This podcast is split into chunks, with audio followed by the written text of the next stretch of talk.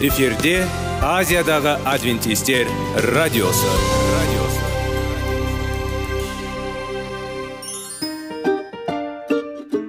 сәлем достар. Денсаулық өмір бұлағы және біздің бірінші байлығымыз демекші денсаулық сағаты рубрикасына қош келдіңіздер. Біздің рубрикада біз әртүрлі факторларменен мәліметтерменен кеңестерменен бөлісіп шын жүректен сіздердің дендеріңіз сау болғанын қалаймыз. Сол үшін біздің рубрикаға қош келдіңіздер. Дайындалып тұрыңыздар. Өйткені келесі минуттарда қызықты фактілерге ие боласыздар. Енді достар ең бірінші байлығымызды қолымызға алып алға кеттік.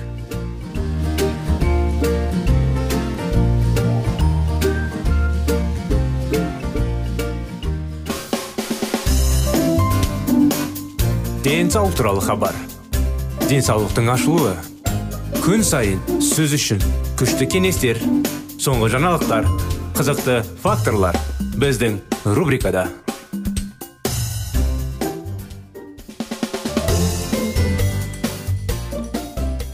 Сәлем достар. Ассалаумағалейкум біздің құрметті радио тыңдаушыларымыз. Біздің денсаулық сағат бағдарламамызға қош келдіңіздер. Сіздердің назарларыңызға жаңа тақырыптарымыз денсаулық және емдеу.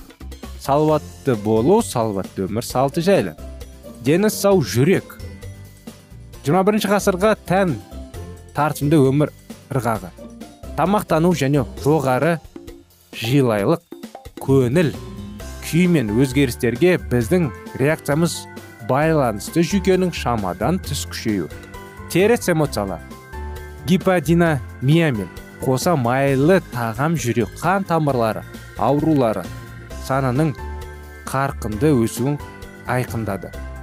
Жүректің ишемиялық ауруынан стенокардиядан миокард инфарктінен атеросклероздан адамзаттың жоғалуы әлемдік соғыстардың қайғылы статистикасымен салыстыруға болады.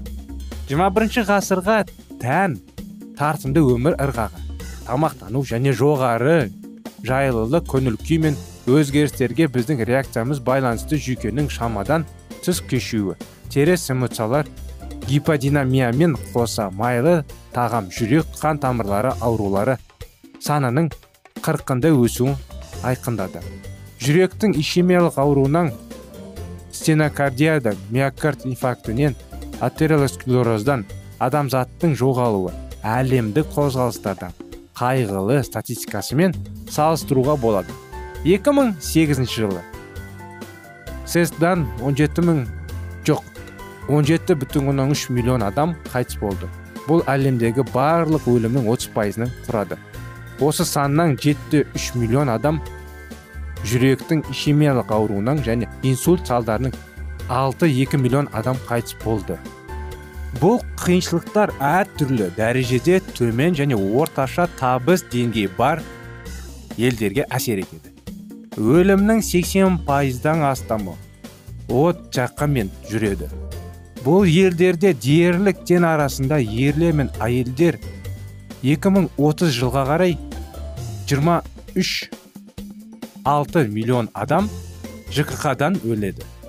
Негізінен жүрек және инсульт ауруларының болжамдар жалғыз негізгі себептер болып қалды. Қайтыс болған. Ддду ақпараттық бюллетені 317 қыркүйек 2011 жүрек аурулары өлімнің негізгі себебі болды. Экономикалық дамыған мемлекетінде егер жүз жылдықтың басында көбінесе қарт адамдарды кездесе онда бүгінгі таңда олар айтарлықтай жасалды. Медицина жоғары деңгейіне және жкқ дәрігерлердің күш жігеріне қарамастан миллиондаған адам өмірінің алып кету. Жүрек қан тамыр аурулары топты құрайды. Кіретін аурулар жүректің ишемиялық ауруы бұл қан тамырлары зақымдалатын ауру. Негізгі қызметі жүрек бұлшықеттің қанмен жабдықтау инфаркт және инсульт жүректің жіті қызғамның қан ағымының жүрек немесе бас миына бұзылуына әкеледі. Ми тамырларының аурулары бұл зақымындану негізгі функциясы болып табылатын қан тамырлары бас миын қанмен жабдықтау. Шеткі артериялардың аурулары бұл зақымдану негізгі функциясы болып табылатын қан тамырлары қол мен аяқты қанмен жабдықтау терең көк тамырлардың тромбозы және өкпе эмболиясы қан ұйқыға аяқ көтермаларының көк тамырларында пайда болуының мүмкін және жүрекке және жеңіл. Туа біткен жүрек ақаулары құрылыстың деформациясы жүрек қазіргі туылған. Ревмокардит. Жүрек бұлшық еті мен жүрек қақпақшаларының зақымдануы. Стрепконки бактериялар мен биологиялық қайшы келетін әдеттерді ескермей өркениеттің деп аталады адам табиғаты. Қандағы холестерин деңгейін төмендету және артериялық қысым 5 пайызға ескертеді. Сонымен қатар жоғарғы дәрежелі науқастары емдеу дәрілердің көмектігімен қауіп қатер тек 11 пайызға ғана осы аурулардың асқыну ықтималдығын азайтады. Қандай көрсеткіштерге бағдалану керек? Мақсатты денсаулық деңгейі барлығына белгілі әлемде. 140-90 мм кем болуы тиіс. Қандағы жалпы холестерин деңгейі 5 мольге кем. Глюкоза 6,1 мольға кем ерлердің бел шеңбері 102 сантиметрге кем. Әйелдердің бел шеңбері 88 сантиметрге кем. Қайғы қасірет біз жүрек мәселелерін қалай қабылдаймыз? Сөзсіз нәрсе және тек алдын алу туралы ойланамыз. Жағдайда дабыл қоңырау шалынды. Қазірдің өзінде айтылады. Бірақ тіпті бұл жағдайда мысалы тамақтану рационында өзгерістер глюкоза деңгейінің айтарлықтай өзгеруіне әкелуі мүмкін. Холестерин және триглицериддер 2-3 аптадан кейін. Ал егер оған дене жаттығулары қоссыз жағдайлар мен стресстерге дұрыс реакция жеткілікті алкоголь сусындарының орнына су мөлшері және барлық химиялық бояғыштар бар. Онда біз шынымен денсаулық сақтау немесе жоғалған қалпына келтіру үшін бақытты мүмкіндіктерге ие боламыз. Эпидемиялық және клиникалық дәректе көрсеткендей өсімдік өнімдер мен күрделі көмірсуларды жоғары тұтынылуды көптеген көмірсуларда даму қаупін төмендеумен байланысты. Созылмалы аурулар атап айтқанда ишемиялық жүрек аурулары обырдың кейбір түрлері гипертония және диабет. Жалпы ұсыныстар жүректеріңізді сақталу үшін салауатты жүрек үшін диета тамақтану. Кем дегенде 5 порция бір жана піскен жемістер күн сайын. Аптасына кемінде 200 порция бір бұршақ күн сайын кем дегенде күнбағыс немесе зайтун майымен толтырылған бір жана піскен көкөніс салты. Бір порция бір орташа жейміз. Осындай анықтама құрметті достар сондықтан біздің бағдарлама қазір аяғына келді. Сіздерді келесі бағдарламаға қуана қуана шақырамыз. Келесі жолға дейін сау сәлеметті болыңыздар.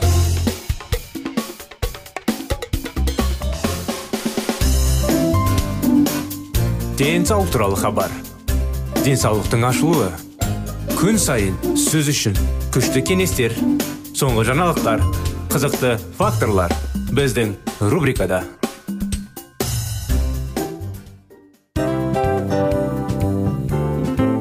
Әуелі байлық денсаулық екінші байлық он саулық үшінші байлық ақ жаулық. Ал енді осындай радио парақшадан кейін не дейміз? Барлықтарыңызға денсаулықтарыңыз зор болсын деп тілейміз. Денсаулықтың өзгеруі кішкентай нәрселерден басталады. Осымен біз берген кеңестер мен мәліметтер шын жүректен сіздер үшін қандай да бір болсын жәрдем берді деп үміттенеміз. Тыңдаушыларымызбен келесі радио парақшасына дейін қоштассамыз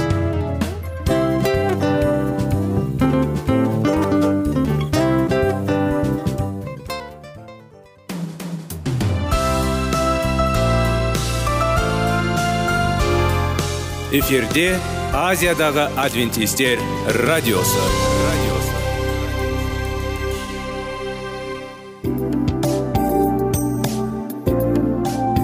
сәлем достар. Барлықтарыңызға шын жүректен сөйлесек рубрикасына қош келдіңіздер деп айтпақшымыз. Шын жүректен сөйлесек бағдарламасы әртүрлі қызықты тақырыптарға арналған. Шындығында шын жүректен сөйлесек деген сөздің мағынасы екі достың екі адамның ортасындағы шын жүрекпен сөйлесуі бір біріне сенуі ашықтық пен шындықты білдіреді. Сол үшін біздің бағдарламалар әртүрлі қызықты тақырыптарға арналған. Дайындалыңыз жаңа қызықты мәліметтерге ие болуға. Ондай болса кеттік.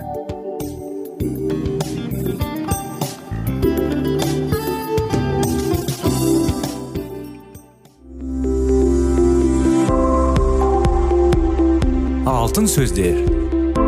Сырласу қарым қатынас жайлы кеңестер мен қызықты тақырыптар. Шын жүректен сөйлесейік рубрикасында.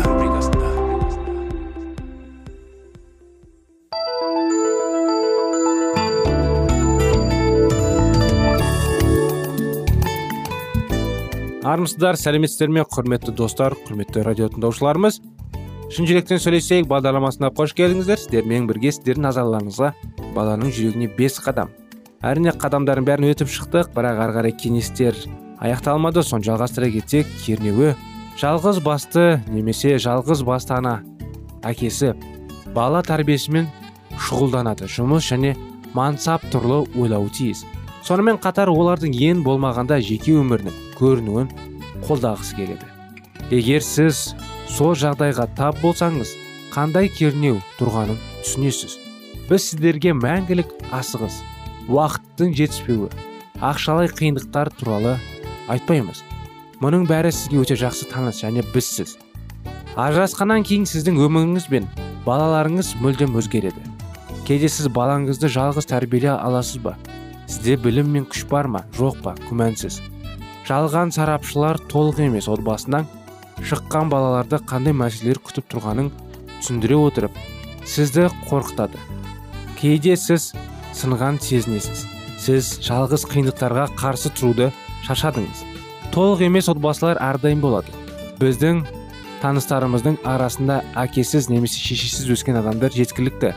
Алайда ол кезде көбінесе ата анасының бірінің мерзімінен бұрын қайтыс болу туралы сөз болды. Қазір жағдай мүлдем өзгерді. Өйткені соңғы онжылдықта ажырасу саны күрт өсті. Біз ата аналары ажырасқан бала күрделі психологиялық жарақаттан аман қалғанын мойындауымыз керек. Ол үшін ажырасу ауыр санақ. Жиі бала ажырасудан гөрі әкесінің немесе анасының қайтыс болуынан оңайырақ. Ата анасының біреуі қайтыс болған кезде бала түсінеді таңдау болған жоқ. Әдетте өлім ауру алдында болады. Және бала неге осылай болғанын түсіндіре алады. Ажырасу бұл таңдау. Бұл бір немесе екі шешім. Ажырасу ата анасы сөзсіз деп айтса да әрқашан таңдау. Жесір немесе жесір баланың естеліктерімен айналысады. Ажырасқан көмектесу керек. Балаға отбасынан кеткендермен жаңа қарым қатынас орнату оңай емес. Алда мүмкін ымыралы шешімдерді іздеудің ұзақ жолдары бойы бар. Жиі ажырасқаннан кейін ата аналарда туыстармен шеркеумен қарым қатынаста қиындықтар басталады. Ешкім оларға не көмектесетінін олармен өзін қалай ұстау керектігін білмейді. Сонымен қатар көптеген ажырасу айыптайды және ажырасқан адамға хабарлауға асығады. Өйткені ол ажырасу бұл зұлымдық. Соңғы жылдары болған қандай да бір өзгерістер ажырасу сияқты қоғам өмірде әсер етуі талай. толық емес отбасылардың өліп келе жатқан саны көп қырлы мәселе. Ол біздің сюжеттен әлде қайда кен сондықтан мұнда тек оның бір аспектісіне назар аударайық. Өзі жауапты болмайтын және оны өзгерте алмайтын жағдайға тап болған балаға қалай көмектесуге болады? Біз ең алдымен дені сау бақытты және жауапты адамдарды қоғамның толыққанды мүшелерін өсіру үшін ерлік күш салатын миллиондаған жалғыз ата аналарын туралы ойлаймыз. Мұндай балаларда толық отбасында өсіп келе жатқан баланың қажеттілігі бірдей. Айырмашылығы орнынан екі ата анасының қамқорлығы мен сүйіспеншілігін толық емес отбасында жауапкершілікті тек бір. Әдетте ол өзі жарақаттанған маңызды емес ажырасқанда ол қорлаған немесе ешқашан некеде тұрған жоқ. Күйзелісті бастан кешкен ата аналар одан да үлкен күйзелісті бастан кешкен балаларға көмектесуге тырысады. Ата аналар балалардың өмірінде олардың отбасының бақытты болу мүмкін екенін түсіндіруге тырысады. Жалғыз басты ата аналар мен олардың балаларына қарапайым қиындықтардан басқа қалыпты отбасыларда олар туралы сезбейтін қосымша мәселелер туындайды. Отбасыларға көмек көрсету орталығының негізін қалаушы және атқарушы директоры джудит уоллестрайн ұзақ жылдар бойы ажырасудың балаларға әсерін зерттеді. Ажырасу ер адам әйел және бала 10 жыл өткеннен кейін атты кітабында ол зерттеулерге кіріскенін атып өтеді. Қазіргі уақытта кең тараған пікірді ұстанады. Ажырасу бұл игілік тек алдымен ғана ауырады көп ұзамай жеңілдеу болады және сайып келгенде бәрі бақытқа ие болады. Егжай тегжейлі зерттеулер дәлелдеді. Бұл олай емес. Балалар жиі бастан кешкен күйзелістен ақтала алмайды. Джудит уолстайн сандра блексли мен олардың әріптестерін сұраған көптеген балалар. Олар қалғандарына ұқсас емес. Қалыпты отбасында өсетіндерге олар ерекше санатқа жатады деп санайды. Олар ажырасқан балалар. Олар достарымен бақытсыз байланысты сезінеді. Олардың ата аналары ажырасқан кезде олар қорқыныш зұлым қорқыныш сезінеді. Және ажырасқаннан кейін 10 жылдан кейін де бұл сезім әлі де тірі. Балаға қайғыны жеңуге көмектескені ата аналардың махаббатына деген сенімділік жоғалады. Есіңізде болсын мұндай балалар жүрегін махаббатпен толтыру өте қиын және махаббат өте көп қажет. Қайғыны бастан кешкен балалар болған оқиға сенгісі келмейді. Қандай да бір жағдайда үзеткісі келеді және бірденені өзгертпейтінін түсініп отырып ашуланады. Көбінесе бала ата анасының ажырасуына және олардың бірінің өліміне жауап береді. Ақыр соңында бала өзінің жоғалуына қарай басқаша қарайды. Мүмкін ересектер оның жоғалуына туралы айтса оған тезірек келе алады. Бала сөйлеуі ұйықтауы керек. Егер туысқандарында оған көмек көрсетпесе онда олардың орнына дін қызметкері отбасының досы немесе баланың қайғысы сезетін психолог алуы мүмкін. Әкесінен немесе анасынан айырылған бала қандай кездерден өтіп жатқанын дәйекті қарастырайық. Содан кейін ата аналар мен басқа да жақын балалар оған қайғыны және алады деп ойлаймыз. Айта кету керек егер сіз оған махаббат білдірудің анық жолы болса бала жоғалғауға бейім. Осымен бағдарламамыз аяна келіп қалды құрметті достар. Сіздерді келесі бағдарламаға шақырып келесі жолға дейін сау болыңыздар дейміз.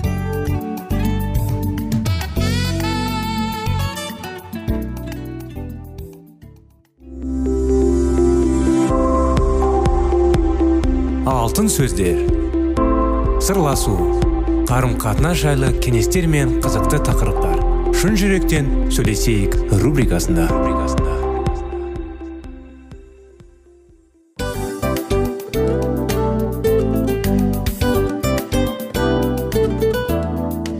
Құрметті достар барлық ең соңғы кеңестер аяқталған соң біздің программамыз соңына келіп қалды. Осы біздің мәліметтер осы рубрикада айтылған әрбір сөздер сіздерге өзінің қандай да бір пайдасын алып келді деп шын жүректен сенеміз. Және бұдан да көптеген рубрикаларымыз бар. Басқа рубрикаларымызда біздің зерттеулерімізде сіздер үшін тағы да қызықты мәліметтер дайын. Біздің шын жүректен сөйлесейік парақшамызда көптеген әдістер ең соңғы кеңестер адамның нравственность жақтан моральдық жақтан тазалап байыта тұрған соңғы кеңестердің барлығын жанарады. Сондықтан алдыңғы күндерде бізбен бірге болыңыздар. Өйткені барлық қызықтар алдыда. Бізбенен бірге болғандарыңызға үлкен рахмет. Келесі кездескенімізше сау сәлемет болыңыздар.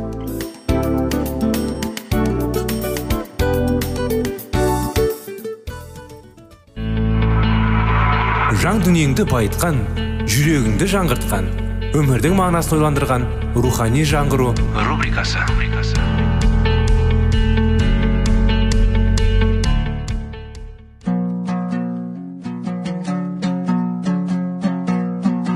Ассалаумағалейкум біздің тыңдаушыларымыз.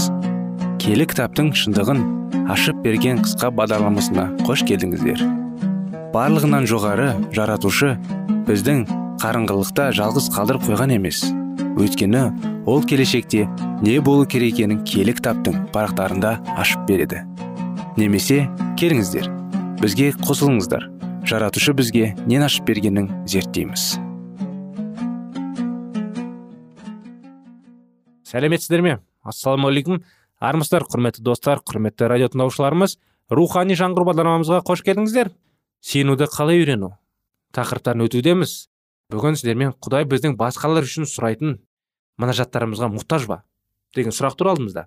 Біздің мұнажатымыз жеке басымыз құдайдың алдында адал жүруіміз тағы байланыста болу үшін қажет екенін көрдік. Ал басқалар үшін сұрайтын мұнажаттарға көшейік. Біз құдай өзін осы дүниедегі еңбегі үшін біздің басқалар үшін сұрайтын мұнажаттарымызға мұқтаж ба деп ойланамыз. Бірінші кезекте біз былай деп ойлаймыз құдай осы дүниені өзінің белгіленген мақсатына жеткізу адамдардың қатысусыз әкеле алмайды. Осы дүние бұл мақсатқа жете ме? Жоқ па? Бұл адамдарға байланысты. Дүниені басқаруында құдай өзін өз еркімен адамдармен байланыстырады. Аянның тарихының басынан бастап біз құдайдың билігінің оның өз қарамағына өз еріктерімен берілген адамдарды тау жүрегінмен байланысты болғанын көреміз. Бұдан құдай өз еркімен біздің мұнажаттарымызға өзін тәуелді етті деген қорытынды шығады. Себебі өзін құдайдың қарамағына берген әркім үшін мұнажат шешуші фактор болып табылады. Оның патшалығында не істейтініміз қандай екендігімізге байланысты. Біздің қандай екендігіміз өз кезегінде не сый алатынымызға байланысты. Ал біздің не алатынымыз мінажатымызға негізделген. Бұл құдайдың бойымызда жүзеге асырған әрекеттеріне ғана емес сондай ақ оның біз арқылы басқаға істеген әрекеттеріне де қатысты. Бұл жерде тек исаның мына сөздерін естеріңізге сала кетейін. Оратын егін көп бірақ жұмысшылар аз. Сондықтан егіннің иесінің оны жинап алатын жұмысшылар жіберуін өтіңдер бұл жерде иса қандайдың жұмысшылар жіберетінін айтып тұр. Бірақ ол біздің мінажатымызға тәуелді. Ол мұны біздің мінажатымызға жауап ретінде жүзеге асырады. Бұл жерде иса құдайды оның осы дүниеге және біздің басқалар үшін сұраған мұнажатымызға деген қарым қатынасын көрсетеді. Көктегі патшалыққа лайықты өзгеру үшін бұл күнәқар ұрпақтың мәңгілікке ақтаушы күштердің үздіксіз әсеріне мұқтаж екенін білеміз. Бұл құдірет исаның тұлғасын да шоғырлаған. Бірақ ол күштер исадан адамзатқа өтуі тиіс. Бұл мәсіх ақтап алған және осылайша оның ақтаушы күшіне қосылған адамдар арқылы тындырылады. Көне өсиетте осындай адамдар құдай осы күштерді жіберу үшін пайдаланған бірен саран пайғамбарлар еді. Алғашқы өнім мейрамына бастап ол өзін қабылдаған адамдардың барлығын пайдаланғанды және әрбір сенуші киелі рухқа кенеліп көктің мәңгілік күштерінің тасқынының күн сайын осы дүниеге өткізеді. Киелі рухтың әркімнің жеке өміріне әсері осы дүниенің құдай патшалығына айналуына біртіндеп табылдылықпен ықпал ететін көктің күштерінің жеткізіліп тұрғанына нәтижесі. Бірақ осы күштердің молына жеткізулі мұнажатта сенушінің басқалар үшін сұрағаны бойынша жүзеге асады. Сенушінің мұнажаты масықтың екінші рет келуімен мыңжылдықтың патшалықты орнауы мүмкін ететін. Құдай мәңгілікті күштерін осы дүниеге қысқа уақыт ішінде жібере алатын құралы екенін күмәнсіз. Құдайдың қауымы қашан оянып өзінің жауапкершілігін ұғады? Оның бүкіл дүниенің мұнажат арқылы басқару билігі бар. Ол өзін қашанда шағын отар ретінде ғана көрсетуде. Ал егер ол бір тұтас алып дене ретінде әрекет етсе онда ол мұнажат бөлмесінде отырып дүниежүзілік саясаты басқаратын еді. Мұнажат пен оның орындалу құдайдың дүниенің басқаруымен қалай екі жақты келісім табады? Жазбада және өз тәжірибемізге сәйкес біз бір адамның мұнажаты құдайдың басқаруына өзін және өмірі саласында ғана емес бүкіл қоғамда елдер мен ғаламдық ірі мемлекеттерді өзгеріс жасай алатынына сенімізді. Сондықтан көпшілік егер әрбір адам мұнажаты арқылы құдайдың өз жоспарын өзгертуіне ықпал ете алса онда құдай осы дүниені белгілі бір жоспар бойынша басқарып оны белгілі бір мақсатқа жетелей ала ма? Бұл жерде бәрі шатасып кетпей ме? деп сұрайды. Өйткені біреу жаңбыр сұрайды екіншісі ауа райын ашық болғанын қалайды. Біреу желді екіншісі жанға жайлы тыныш ауа райды сұрайды. Құдайдың мұнажатқа ешқашан бұлай қарамағанын баса айтуға болады. Біріншіден ол адамдардың бәрінің мұнажаттарын орындаймын деп ешқашан уәде берген жоқ. Ол тек өз балаларын және оған бала болуды сұрап сиынғандардың мұнажаттарын орындаймын деді. Екіншіден ол өз балаларының барлық мінәжаттарын емес тек исаның атымен сиынғандардың ғана тілектерін орындайды. Біз оның еркіне сай бір нәрсе сұрасақ құдай тілегімізге құлақ салады деп нық сенеміз. Осылайша құдайдың дүниені басқаруына адамдардың мұнажат арқылы жасайтын ықпалдарының шекарасы белгіленген. Яғни құдай тек жүректері мәсіхті рухына кенелген және сол себептен оны патшалығының ұлы жоспарына енгізіле алатын сенушілердің ғана мұнажаттарын орындайды. Егер құдай біздің мұнажаттарымызға бола өзінің дүниені басқару жоспарын өзгертетін болса онда бұл оның дүниені басқаруының соншалықты солқылдақ екенін оның араласуының қашанда мейлі ол жақсылық не жамандық болсын дәл қазір осы жерде болып жатқан нәрселерге сәйкес болатынын көрсетер еді. Осылайша ол өзінің дүниені басқару жоспарын емес тек солардың көмегі арқылы оны жүзеге асырғысы келетін келгенің әрекеттерін ғана өзгертеді. Сондықтан да адамның мінажаты құдай оны дәл осы уақытта өзінің жоспарын орындауға пайдаланып жатқан құрал болып табылады. Осылайша мінәжат арқылы онсыз болу мүмкін емес жайт жүзеге асады. Иә қазір ғана көргеніміздей адамның мінәжаты құдай оны осы дүниені белгі бір мақсатқа құдайдың патшалығына әкелу үшін қолданатын екі тиімді құралатындар бірі. Құдай өзіне әлі бет бұрмаған адамдарды мінәжаттарын орындай ма? Құдайға әлі бет бұрмаған адамдар да мұнажаттарын орындауын бастан өткереді және мұны өздерінің құдай балаларын екенін дәлелдеп есептейді. Мұнажаттың бұл орындалуы көбінесе талай адам үшін шешілмес жұмбақ. Сенушілер де әлі бет бұрмай тұрған кездерінде мұны өз басына өткерді. Ал бет бұрғаннан кейін олар сүйінушінің өзіне бет бұрған. Не бет бұрмаған адам екенін құдай үшін маңызды бар ма? деп ойлана бастайды. Олардың күмәндарын ұлғая түседі. Егер құдайға бет бұрмаған адамдардың өздері өтініштеріне жауап алатын болса онда мінәжат өзі нені білдіреді? Осындай тағы басқа сұрақтарға біз келесі жолы жауап береміз. Осымен құрметті достар бағдарламамыз аяғына келді. Келесі жолға дейін сау болыңыздар.